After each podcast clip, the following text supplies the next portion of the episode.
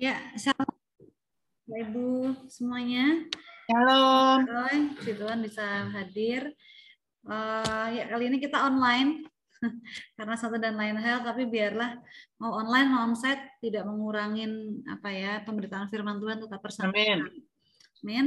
Nah pada hari ini kita akan membahas tentang Raja Kores dan lebih kepada bagaimana sikap kita sebagai orang yang sebenarnya kita semua ini sudah masuk dalam pembuangan, betul? Kehidupan ya. kita, bagaimana kita ini sebenarnya sudah tidak layak untuk masuk dalam keselamatan, bisa dibilang seperti itu. Tapi adanya yang namanya kesempatan yang Tuhan beri. Nah, bagaimana sikap kita sebetulnya? Kita akan coba buka di Esra, di kitab Esra,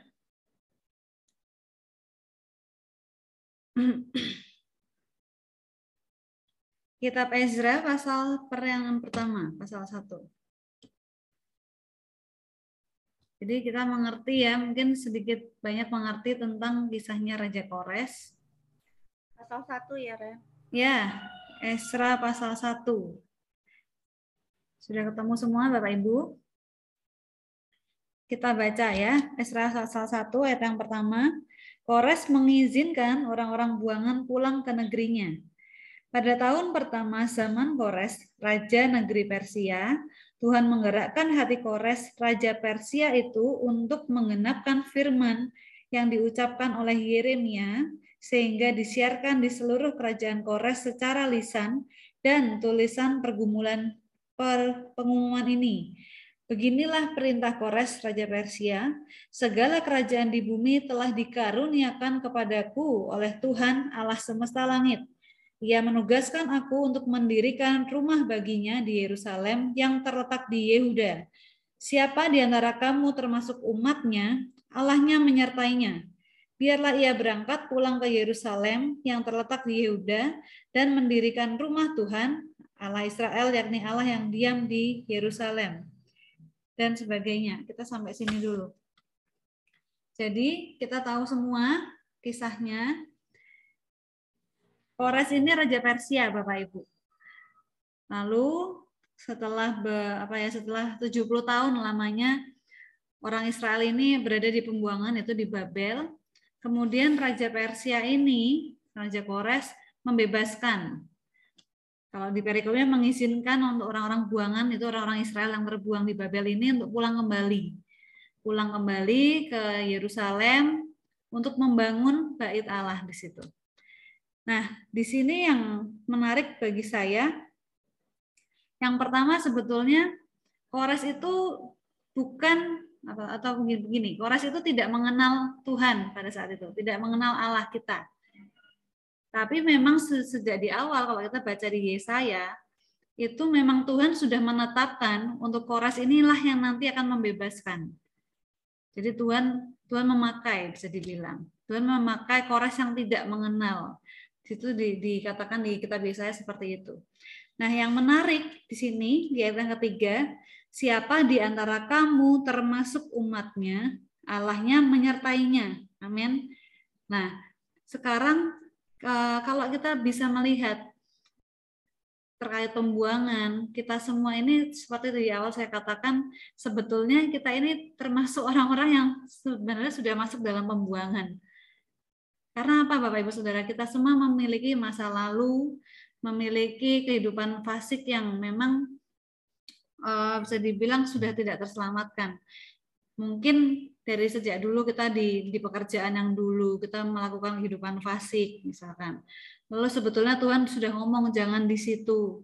Atau Tuhan sudah bilang jangan berada di area itu. Seperti kemarin kalau pada pewahyuan ya Tante Ririn itu ada lubang yang api. Itu jangan masuk ke lubang situ. Itu sebenarnya adalah area-area di mana kita rawan sekali masuk dalam pembuangan karena apa kedegilan hati, karena mungkin kehidupan lama yang kita belum secara roh ini merdeka. Tapi di sini di ayat yang ketiga dikatakan, siapa di antara kamu termasuk umatnya, kita semua termasuk umat pilihan Tuhan, amin. Dikatakan apa? Allahnya menyertainya. Biarlah ia berangkat pulang ke Yerusalem yang terletak di Yehuda dan mendirikan rumah Tuhan Allah Israel, yakni Tuhan yang diam di Yerusalem. Jadi Bapak Ibu Saudara, kalau saya berpikir berarti dari tadi saya flashback.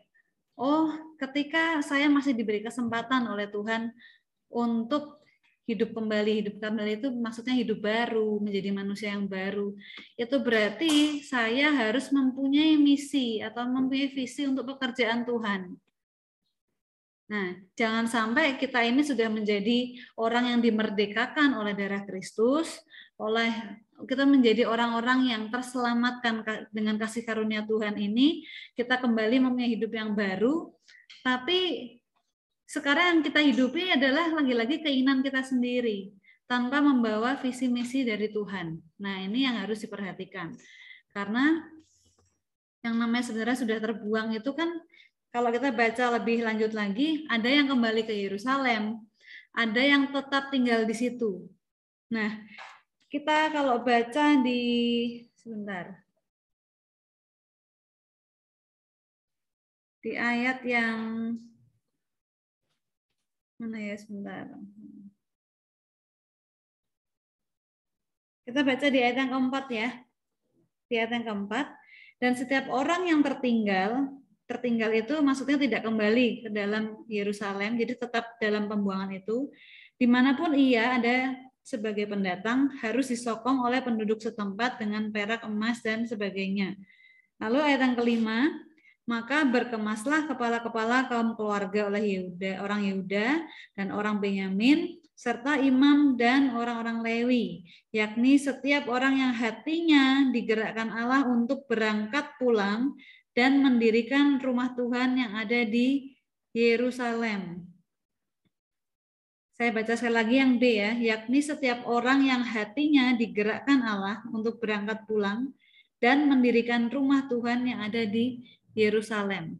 Perhatikan Bapak Ibu, ini cara-cara Tuhan. Jadi seakan-akan Tuhan itu merekayasa atau mereka-rekakan memakai Raja Kores. Yang pertama, Raja Kores itu tidak mengenal Tuhan, Allah memakai orang asing menjadi raja untuk membebaskan semata-mata hanya untuk ujung-ujungnya apa? Orang Israel ini bisa beribadah kembali ke Tuhan, hatinya bisa melekat kembali ke Tuhan. Sebetulnya intinya tuh seperti itu, Bapak Ibu Saudara. Tuhan hanya rindu, Tuhan itu berinisiatif untuk perkara ibadah. Itu tuh benar-benar orang Israel bisa kembali kepada Tuhan. Nah, sama seperti kita saat ini kita tahu ya kisahnya Israel berapa kali. Bangsa Israel itu memberontak tapi juga berapa kali juga bangsa uh, Tuhan Yesus Tuhan itu betul-betul dengan kasih memberi kesempatan dengan kasih tetap memberi pengampunan memberi waktu untuk bertobat. Bahkan sampai dikawal seperti ini ya boleh kembali dari pembuangan. Nah yang mau kita pelajari hari ini di ayat yang ketiga tadi ketika Allah menyertai dalam masa pembuangan itu, baiklah sama seperti kita. Saat ini kita mempunyai hidup yang baru, kita sudah menjadi manusia yang baru, Bapak Ibu, dan kita harus memastikan adakah kita ini mempunyai visi atau misi untuk membangun bait Allah. Dalam hal ini, yaitu kan berarti gimana? Visi atau misi dalam kita ini melakukan kebenaran, dalam kita ini terus melakukan apa yang benar sampai kita ini menjadi rekan sekerjanya Tuhan. Sampai bait suci itu bisa dibangun kembali. Karena singkat cerita kalau kita baca di Esra selanjutnya, ketika sudah kembali ke Yerusalem itu butuh waktu empat tahun. Empat tahun untuk mendirikan kembali bait suci yang sudah runtuh itu.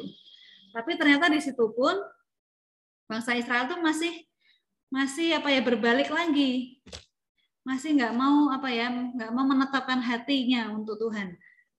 Sampai sampai harus uh, Tuhan turun tangan lagi melalui nabinya akhirnya bangsa Israel kapok bisa dibilang begitu. Nah, Bapak Ibu Saudara, kita yang sudah terselamatkan, kita yang saat ini ada seperti saat ini kita bisa dengar firman, kita bisa dengar pengajaran itu. Kalau tadi saya boleh flashback firman ini bagaimana kita harus banyak-banyak bersyukur Bapak Ibu karena yang namanya Tuhan menyertai kita di dalam masa-masa pembuangan, keluar dari pembuangan itu, itu berarti kita orang-orang sudah merdeka. Betul? Kita orang-orang yang sudah tidak diperbudak lagi. Sehingga apa? Kita bisa pulang dari pembuangan. Kita nggak lagi lihat ke belakang. Kita tidak lagi yang namanya menghidupi hal-hal yang ada di Babel. Karena apa di ayat ketiga tadi? Allahnya menyertainya. Biarlah ia berangkat pulang ke Yerusalem dan membangun bait suci di sana. Intinya seperti itu. Nah, sekarang yang menjadi pertanyaannya, sudahkah kita ini mempunyai fokus atau kita ini mempunyai target atau tujuan untuk membangun kerajaan Tuhan di dalam hidup kita? Atau masih sering jatuh bangun dalam dosa, jatuh bangun dalam kelemahan, yang diurusin itu terus. Padahal sebetulnya tujuan Tuhan untuk mengeluarkan bangsa Israel itu bukan semata-mata hanya untuk keluar doang, tapi sampai kepada pembangunan bait Allah yang sudah runtuh. Itu berarti ada yang namanya misi yang harus kita kerjakan. Ketika kita masih diberi kesempatan, masih diberi waktu, kita harus sadari, oh aku berarti sudah merdeka. Tidak ada lagi yang menghambat.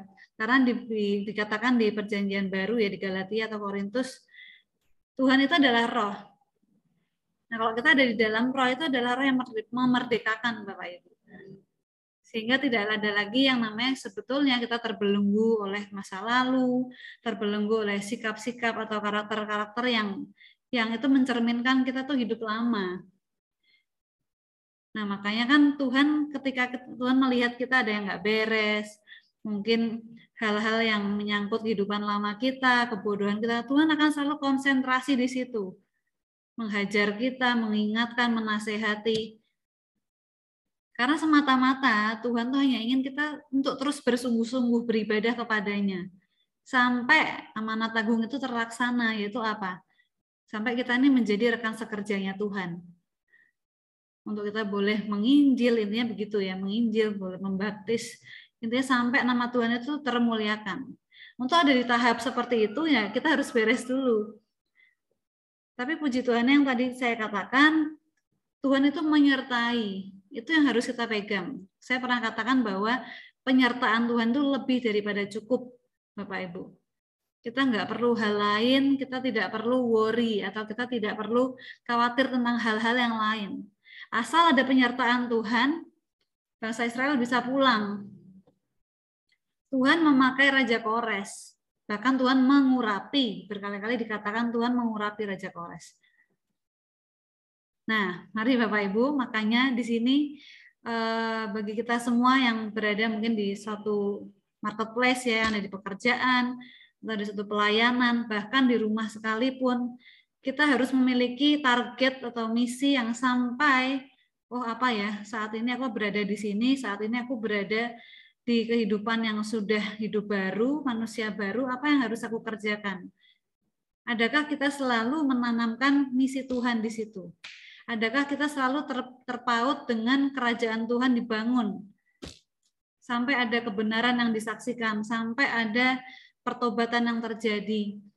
Makanya waktu tadi uh, saya ngobrol sama Bu Erna lewat WA itu, Bu Erna tanya Tuhan ya, kan tadi mau ketemu orang, apa yang mau Tuhan kerjakan nanti? Bu jadi berkat ya dan segala macam. Karena hal sebenarnya ya hal-hal inilah yang harus kita kerjakan sebagai bentuk kita rasa hormat kita, sebagai bentuk kita ini bersyukur, mensyukuri bahwa oh aku sudah keluar dari pembuangan. Yang harus kita kerjakan apa ya? Membangun bait Allah tadi. Ingat, tujuan Tuhan memberkati, tujuan Tuhan ini mengeluarkan kita dari kesesakan, tujuan Tuhan ini mengeluarkan kita dari masa lalu sehingga kita tidak terbelenggu di dalamnya itu bukan semata-mata untuk kepentingan pribadi kita sendiri. Selalu harus ada nama Tuhan dimuliakan. Selalu harus ada apa ya kerajaan Tuhan itu dimenangkan, didengarkan, digaung-gaungkan. Mungkin kita diberkati secara finansial. Ingat tujuannya tidak berhenti di tangan kita. Tidak hanya berhenti di keuangan kita semakin memperkaya diri. Tapi tujuannya harus untuk pembangunan bait Allah.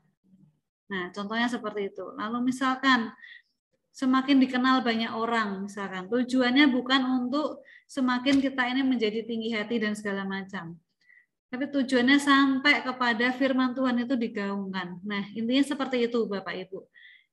pada siang hari ini mungkin hanya singkat, tapi mari kita sebagai orang-orang yang sudah dimerdekakan, kita selalu ingat, jangan sampai kita merasa lelah, kita merasa putus asa, aduh aku kok nggak bisa ya keluar dari masa lalu atau susah nih dalam hal ini kok kayaknya lemah atau susah nih hidup baru, susah nih kok keluar dari hal-hal yang seperti bla bla bla bla bla. Ingat ketika kita sudah bisa keluar dari pembuangan, kita bisa dengar firman Tuhan yang yang apa ya, yang luar biasa, yang berharga, itu sebetulnya sudah suatu kemerdekaan Bapak Ibu. Hanya sering kali yang sering dikatakan daging ini loh, daging yang menguasai kembali. Sehingga seolah-olah kemerdekaan itu tidak menghidupi hidup kita. Padahal sebetulnya Tuhan sudah beri kemerdekaan kok. Kalau sudah ada kemerdekaan berarti tidak ada lagi perbudakan oleh dosa, oleh kedagingan. Nah, jadi kita kembali lagi mempunyai fokus yang benar. Kalau kemarin mungkin mungkin hari-hari ini di, diperbanyak oleh lebih banyak fokus ke permasalahan diri sendiri, mungkin kesel sama si A si B atau di di apa ya dipenuhi dengan pekerjaan yang rumit dan segala macam.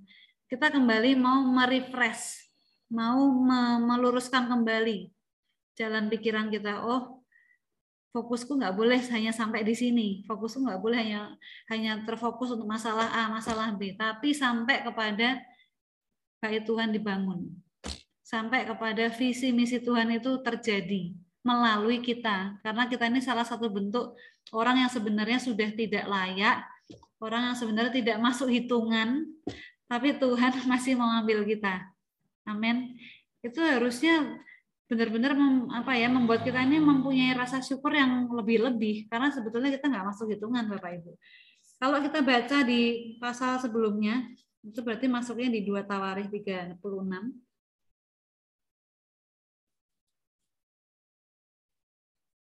Dua Tawarikh 36 kita mau baca yang